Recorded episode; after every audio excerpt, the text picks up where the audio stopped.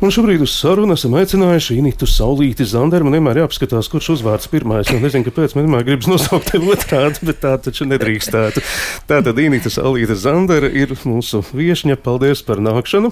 Doma laukumā taču vēl ugunskurs droši vien, vai ne? Jā, smažoja pa gabalu. Hm, labvakar. Jā, ar, ar to šis 20. Mm. janvārs ir skaists, jo tās atmiņas kaut kā kļūst ar vien nostalģiskākas, bez jau briesmu sajūtas. Vienkārši tā kā atgādinājums par to visu, kas ir bijis. Bet mēs nevis atgādināt, mēs rosināt, rosināt šķirt izdevumu elegantā Rīga, ko apgāds neputns ir laidis klajā. Un, Inita, tu jau esi daudzkārt stāstījusi visādos medijos, bet mūsu medijā tomēr vēl ne, un mums tagad ir nepilna pusstundu laika arī iztaujāt. Un, Es gribētu aizāķēties aiz viena, varbūt ne pārāk laimojoša teikuma, bet tas ļoti uzjautrinoši. Eh, ko preses balss vēstnesis raksta 1926. gadā, kaut kā tieši uzšķīrās. Mm, daži punkti, un pirmais no tiem, lai cilvēks būtu patīkams, viņam jābūt patīkamai ārienai. Tik tā viss ir lieliski. Mm, otrais punkts - drēbnieka māksla aizpilda to, ko nav devusi skopā daba. Nu, dažos gadījumos daba ir skopāka, dažos ne, bet laikam. Nu, man stāsta, ka tad, kad lasa grāmatu, tad ir bieži jāķiķina. Un tas man sagādā patiesu prieku, jo tā tas arī bija domāts. Jo tā laika prese tiešām ir. O, pat, pat varbūt nedomājot, ka tas ir asprātīgi tajā brīdī, bet jā. šobrīd ar mūsdienu acīm. ar mūsdienu acīm tas ir vienkārši burvīgi. jā, tieši tā. Un es eh, ļoti bieži daudz kur uzduros tieši uz aizkulisēm, kuras gan arī ļoti kritizēju par to, ka viņi stipri bojājas cilvēku dzīvi, bet laikam bez aizkulisēm šī grāmata bezmaz nebūtu iespējama. Vai mm, pareizi? Tieši tā, tieši tā, jo nu, tas tomēr bija iedzeltēns žurnālītis un, un daudz kritizēja politiķus un, un, un tādas ekonomiskos skandālus, bet tieši šis žurnāls ļoti daudz rakstīja par modi. Turklāt ne tikai nu, tā, ka varētu iedomāties, kā dzeltenā žurnālā, nu, kādas dāmām bija kleitas kādā ballē, un tad kritizējam, jo ne tāds garums vai ne tāds uh, dekoltē izgriezums vai ceturto reizi ar vienu to pašu kleitu, jā, jā, atļāvās. Bet viņi tiešām arī analizē modes procesus. Tieši nopietnā veidā, gan, gan tendences, gan, gan kaut kādus jaunumus ārzemēs. Un, uh, Tā kā jā, jā, bez aizklausēm te nevarētu iztikt. Tas noteikti. man bija patīkams pārsteigums. Es arī šo žurnālu vairāk zināju šajā dzeltenajā veidā, bet izrādās, tomēr analītiskais aspekts arī tur ir bijis. Mm. Bet nu sāksim tomēr no paša sākuma. Grāmata ir strukturēta vairākās daļās, un tās ļoti precīzi iezīmē noteiktus nogriežņus. Un tas, es saprotu, ir tavs dalījums, vērojot, kas notika. Jā, lai, lai uzbūtu tiešām to stāstu par to modi un dzīves stilu, nu, man vajadzēja kaut kādu struktūru.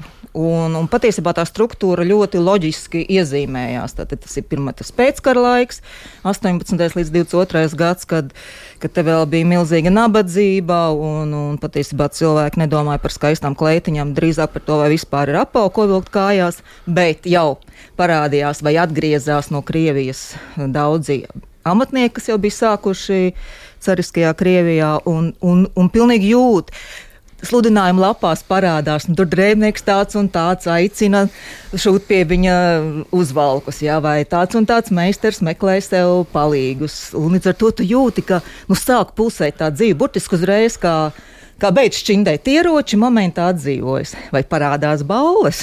Ļoti daudz sludinājumu par dažādām ballēm, viesībām, karnevāliem un tā tālāk. Nu, nu, jā, un tad nākamais periods, protams, 20. gadi, kad, kad jau ir tāds, tas tāds. Uh, sākam dzīvot, piemērojamies Rietumē Eiropas visādiem tikumiem, jā, līdz ar to modē jāsāk sakot Parīzei. Tad, Piedošana, es uzreiz jautāšu, kādēļ Parīze ir tā modes pilsēta? Nu, es tā kā pilnīgi slaišu šajos jautājumos.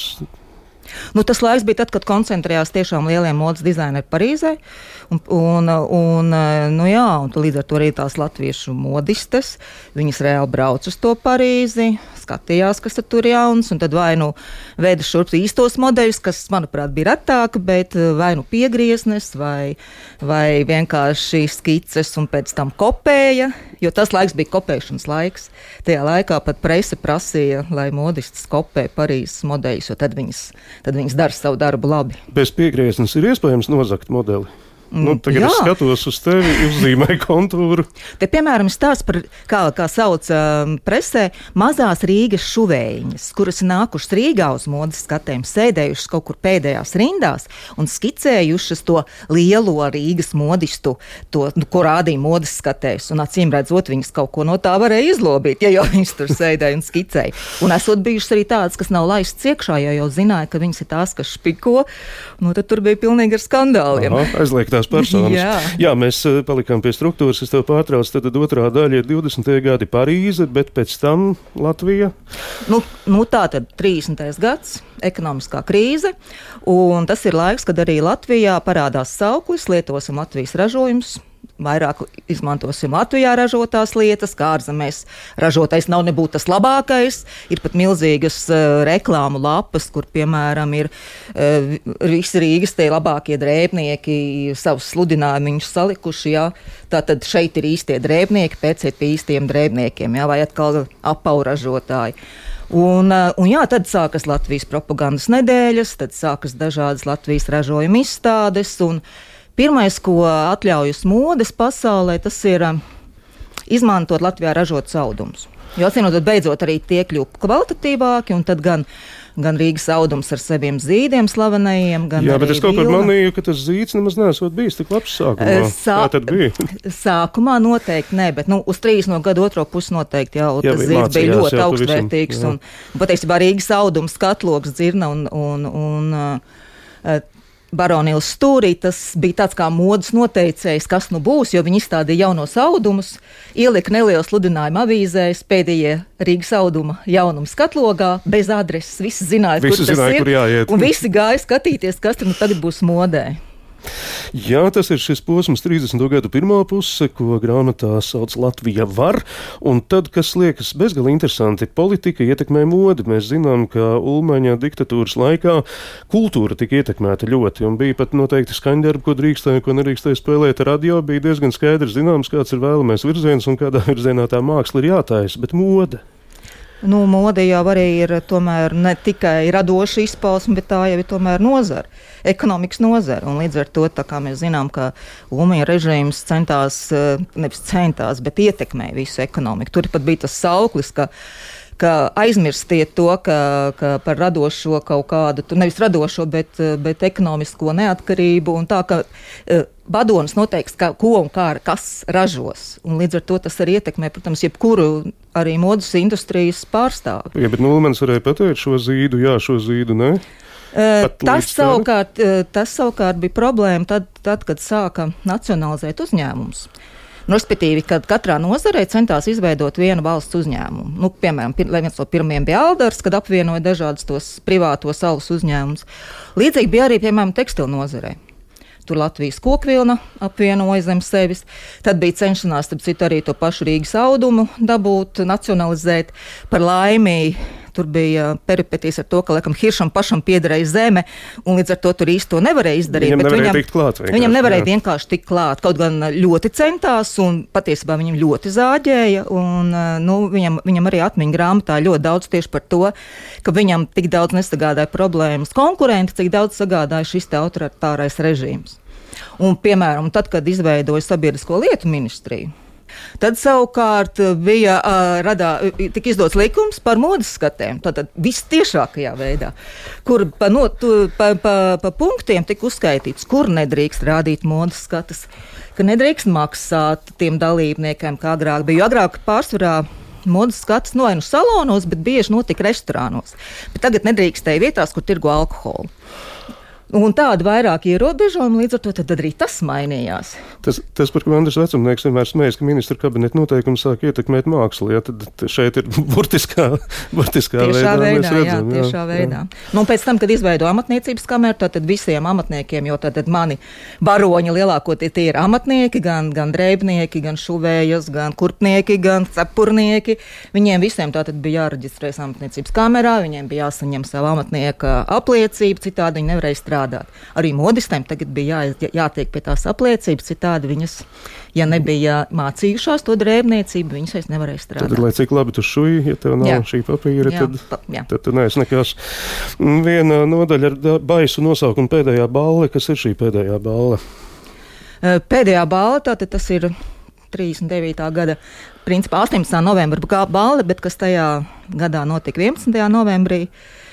Nu, tā tad mēs no mūsdienu viedokļa zinām, kas notika tālāk, vai viņi zināja Nojautas bija tieši tā, jo jā. tas ir rakstīts lielā mērā pēc Marijas vētras atmiņām, kur arī ir nojaušams, ka viņi tajā balvas laikā daudz ir pārsprieduši to situāciju, kāda vispār ir pasaulē, un, un ka tas noskaņojums nav bijis labs. Bet, protams, tajā brīdī, kad cauri tai balvas zālē nācis vadonis, un tad viss ir centušies smaidīt un teikt, cik viss ir labi, cik vakars ir jauks. Jā, vislabākajā no pasaulēm. Jā, jā, jā. jā. jā tu piesauc Marijas vētru, man arī ļoti patīk vienmēr izmantot viņu kā avotu, un kaut gan daudz saka, tā ir beletristika, bet mēs zinām, tomēr, ka mēs arī beletristiku ņemam par avotu, jo tas ir kaut galā tikpat cienījams kā zinātnisks pētījums pa laikam. Un tad es vienā vietā izlasīju, ka Marisam Vētram ļoti patīk stiepties palēkā. Mūžīgi elegantais. Jā, jā, palēkas, jā, jā. man kaut kā ļoti patika. Un, jā, vīriešu modē ir zinām pieskārieni, un es nevaru iztēloties, kādi bija, piemēram, tie oranžie apavi, vai kas bija apava aplikācijas, un vispār galva gāja otrādi mēģinot vispār sazīmēt visu to, jo tur ir tik daudz terminu terminu, tik daudz krāsu un tik daudz viskā. Bet, nu, jāsaka, tomēr lauvas tiesa no grāmatas ir veltīta meitenēm, vai ne?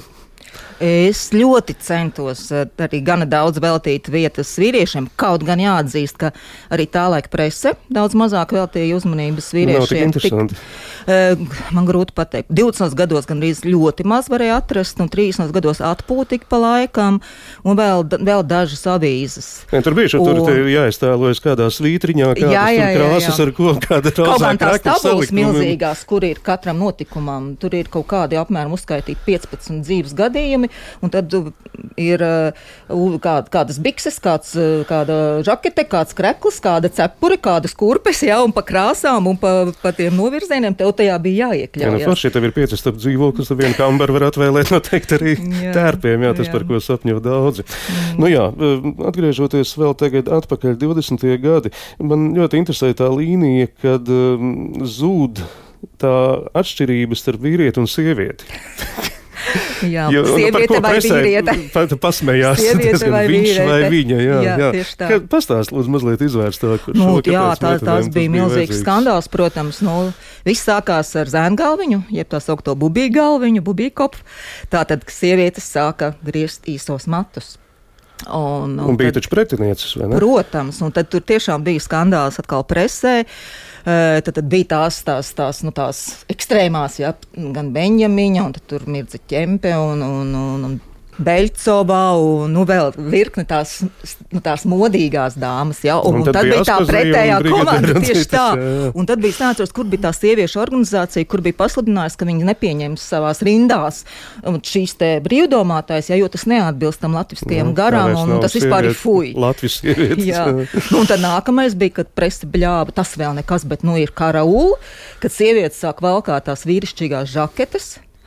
Un vai tiešām tagad viņas arī vilks bikses uz ielas? Nu, kas tad tas tāds tagad būs? Ja?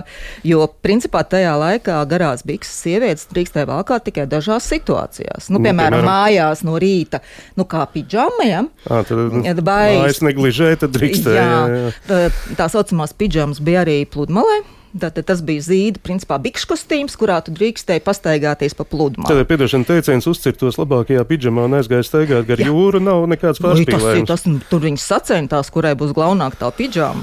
Tas bija, jā, tas bija burvīgs laiks. Jā, to drīkstēja. To drīkstēja. Nu, un slēpojot. Un slēpojot vai, nu, vēl kaut kādos sporta veidos. Nu, jājot, varbūt. Jā, nu, varētu, jā, jā. varētu būt tad jau, jā. Bet, jā. bet, piemēram, kas man ļoti pārsteidz, ka ir arī nu, nu, fotografijas no slidotavas, kur bija slavena slidotava pie esplanādes, kur visi, nu, kur visi sapulcējās, gan augstie slāņi, gan studenti.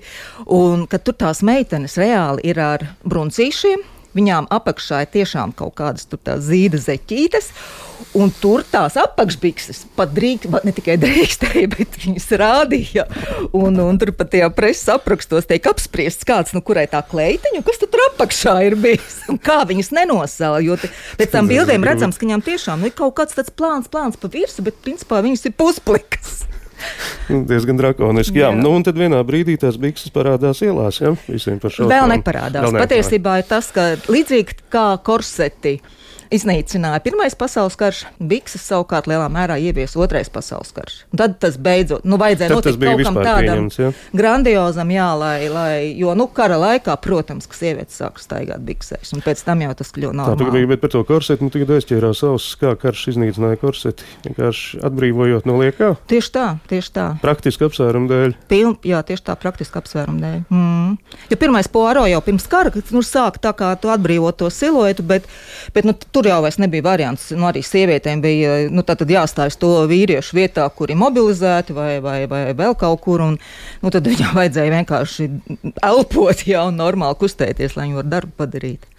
Vēl tie paši 20. gadi, tad Parīze ir paraugs, un tad nu kā no kura, kas var atļauties aizbraukt uz turieni un nopirkt kārtīgi Parīzes modeli, kā tur bija par bezmaz tūkstošu latiem, kas taču bija baisa liela nauda to laiku?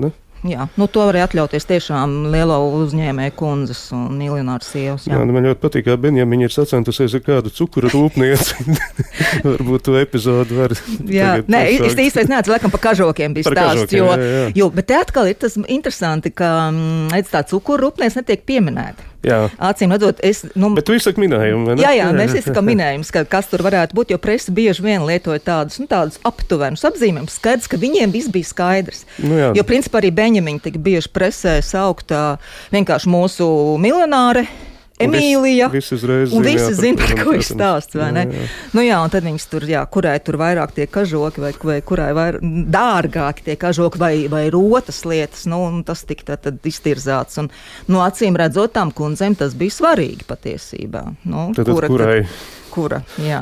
ir spalvainā kāda Jā, darbs? jo tas arī ir interesanti, ka no vienas puses tā presa tā kā nu, tādu.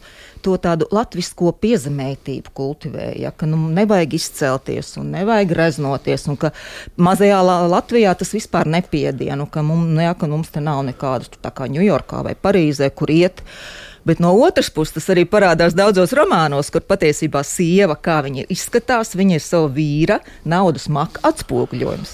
Jo tas otrs vīrs, kuram sieva ir līdzīga, viņš zina, cik, cik maksā cepurīt, cik maksā uzvalciņš, jā, vai cik maksā kurpes. Būtībā tu ej ar etiķetēm apkārt, jo Jā, visi jā. zina, cik tu maksā. Jā, jā, tieši tā, cik vīrs var atļauties. jā. Cik vīrs var atļauties. Jā. Man ļoti patika tā līnija, kur presa drusku mēģina cīnīties ar bezgaumīgumu. Kā tev liekas, Tas nav drusku. Cik sekmīgi tas bija?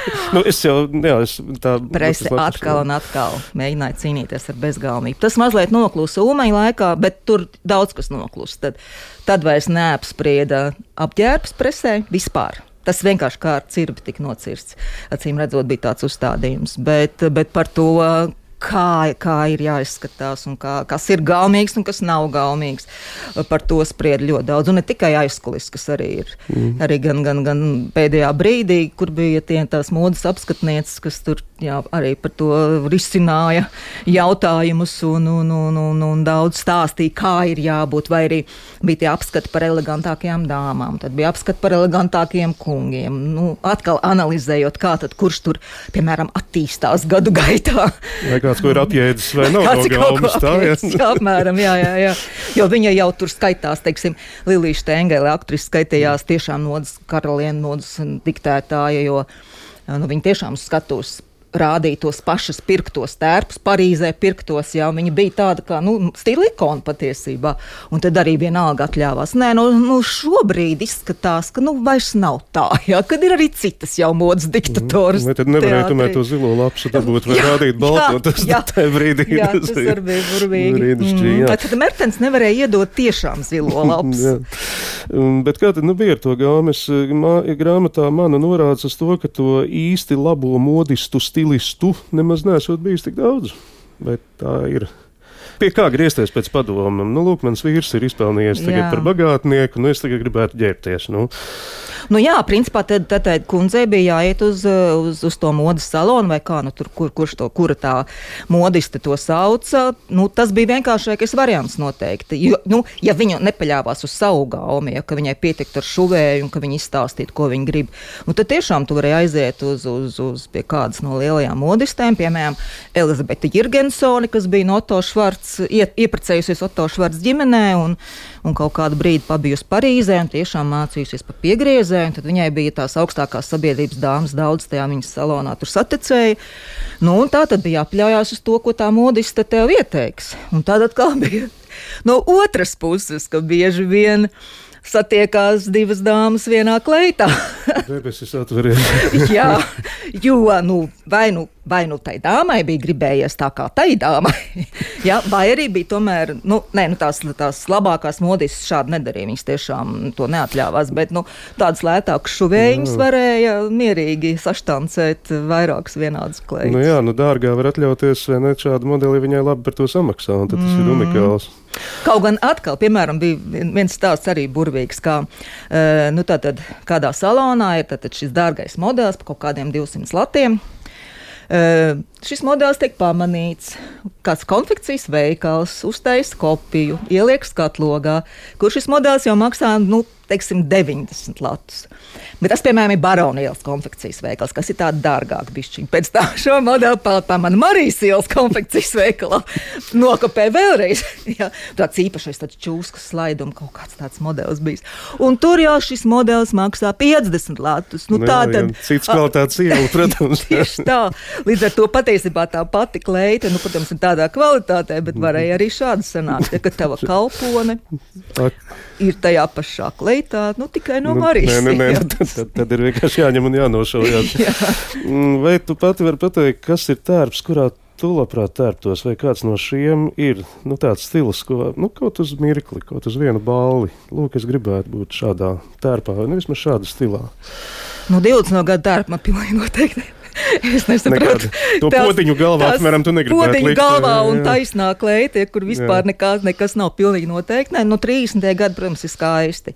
Man 30 no gada sākums, kad ir tās garās, tās, tādas, tādas ļoti sievišķīgās formas izceļošās, bet ļoti skaisti arī 30 no gada nogale, kad ir, kad ir tie kuplie svārki ar ļoti izceltu vidukli un, tādu, un tādiem paplatiem pleciem, nu, arī piešķir tādu labu formu, manuprāt. Un cepurītes. Nu, e, nu, es apskaužu tās. Nē, 39. gads, tur diezgan daudz paraugu tām cepurēm. Nu, tur ir kosmos, tur ir, nu, e, nu nu, mūsdienās, ko rīt nu, taisīt, nezinu, treisīs, piemēram, ja? kaut kāds pilnīgs ārprāts uz tās galvas, un cepures tiecas augšup, un viņas, principā, ir uzķibinātas uz pakaušu. Viņas vairs nav īsti. viņas knapi, jā, jo viņas vairs nav, viņām nav funkcija, viņām mm ir mhm. tas skaistums. Un tas, protams, jā. ir augstajā modē. Nu. Nu, jā. Diez vai pa ielu. Bet par cik lielu sabiedrības daļu mēs vispār runājam, kad mēs runājam par 20. un 30. gadu modi? Mēs zinām, kāda bija ekonomiskā situācija. Protams, mēs, eh, mēs runājam par augstāko slāni. Un par vidusslāni, kas tiecās uz to, lai sekotu šim augstākajam slānim. Protams, ka, ka strādnieki vai, vai kaut kāds zemākais, viņi nu, Atceramies, Billi. Viņas nu, tētim vienbrīd nu, nebija žakets, ja par kādu modu mēs runājam. Nu, jā. bet, bet tas, ka arī tā vidusslānis tiecās uz to, tas arī parādās presē. Atkal ironiski, nu, ka mazā ierēģņa sieva ir aizgājusi uz balli un nokopējusi to kaut kādu grezno brokāta kleitu, nu, bet viņai lien ārā sliktas veļas lencīte. nu, un, un to pamana. Un to pamana. Un tas ir tik ļauni, protams. Vispār riebīgi. Reāli riebīgi. Jā, nu es negribētu tajā. Tas, tajā laikā. Mm, jo tur tik ļoti tas bija svarīgi. Nu, acīm redzot, bija tik ļoti liels tas pieprasījums, tā tiekšanās pēc tā eiropeiskuma, ka mēs tagad esam. Ka mēs tagad, nu, pirmkārt, mēs esam tāda valsts, un mēs tad, nu, mums ir jātiec uz to Eiropu. Jā, un, jā nu, tādā spēkiem, kā nu varam. Jā, mums ir burtiski vēl divas minūtes laika. Mēs negribējām par beigām parunāt. Jā, tūlīt tad, tad apgā, atgādinām elegantā Rīga, apgāds Neputnes, Inita Salīta Zandara un jā, par beigām. Tad, tad. Jo es pēc, jā, man ļoti gribējās pielikt to, mm, nu, to ļoti melno punktu. Tas ir PS 40. gads. Jā. Un tur ir mazliet tie saraksti, kas ir nacionalizētie uzņēmumi, kur nu, tātad, A, tieši šajās nozarēs, un mazliet arī ieskicēts tas, kā tie vēlāk tiek pārsaukti. Nu, tad parādās visādi sarkanie kvadrāti un sarkanās šuvējas un, un pionieri, piemēram, Rudolfs Eglīts, kas bija mūsu apaugu karalis, viņa uzņēmums nacionalizēts, nosaukts par pionieri. Amāņa, jā, kaļķiela, Nu, jā, 16. Pasauli uz otru pusi. Un skaties, Nu, nu, kurš jā. bija tas drēbnieks, kurš nomira uzreiz pēc tam, kad viņam nacionalizēja uzņēmumu. Jā, un tur domāt, ka- daudz tie, kas arī no Eglītes gandrīz tika izsūtīts, netika tomēr pēc tam viņš emigrēja, bet, bet, bet nu, tur ir daudz, kas ir pazuduši, kas ir, jā, kas, kas ir izsūtīti un Sibīrijā miruši. Jā, un tad vēl pateiksim, ka šeit ir terminu saraksts, kas ir ļoti būtisks tādiem lasītājiem kā man, kurš neatšķir vienu žoržetu no otra vai trešā, kas tie vispār tādi ir. Un Inīt mums ir tieši minūte laika, lai mēs uzslavētu grāmatas mākslinieci Annu Aizsilnieci. lūdzu. Un manu redakt, grāmatas redaktoru Antru Bulu, kas ļoti palīdzēja tieši ar šiem pielikumiem un nu, dažādu faktu vēl precizēšanu, vēl meklējam gada, gada, gada gājumus, tos skaitļus gan tiem amatniekiem. Un, un varbūt tomēr mēs varam atrast, jo daudziem to vienkārši nebija iespējams Jā. izdarīt. Tad Mēs- Antra bija tavs sargiņģelis. Antra bija satura, jā. pilnīgs, un jā, Bet jā. no Anna, tas, un kā Anna savukārt to, un to kā visu. viņa, jā, protams, Annai milz paldies par to, kā šo milzīgo apjomu uztaisīt tik skaisti, manuprāt, un tik baudām. Skaisti baudām, bet arī ļoti pārskatām. Un ļoti pārskatām, protams, jā. jā. Mm. Kā lai tagad to visu rezumē? Šīs milzīgi daudzās tūkstošas simt lapus. 3,5 kg. 3,5 kg. Tas ir nu, tieši jaundzimuši bē- zīdaiņa ideālais svars. ko tu tālāk darīsi? Par ko tu tagad rakstīsi? Man vispirms ir uh, jāturpina Aminorija sērija Latvijas vēstures mītnes un versijas, kas mazliet ir aizskavējusies, diemžēl, šo darbu dēļ. Tad, tad mums ir plānos vēl nākamās divas grāmatas. Nu, tad pēc tam es domāšu, ko es darīšu. Nu, ne, Varbūt- nesaka, nav aizķēries kaut kur kaut kas. Nu, es, protams, manā datorā sāk parā, jau laika gaitā sāk parādīties folderīši gan uz Jugendstilu pusi, gan uz, uz otrā pasaules kara pusi. Nenoliekšu. Tagad interesanti, uz kuru pus tā kompasa adatiņa Grūti. pagriezīsies. Jā, grūti pateikt.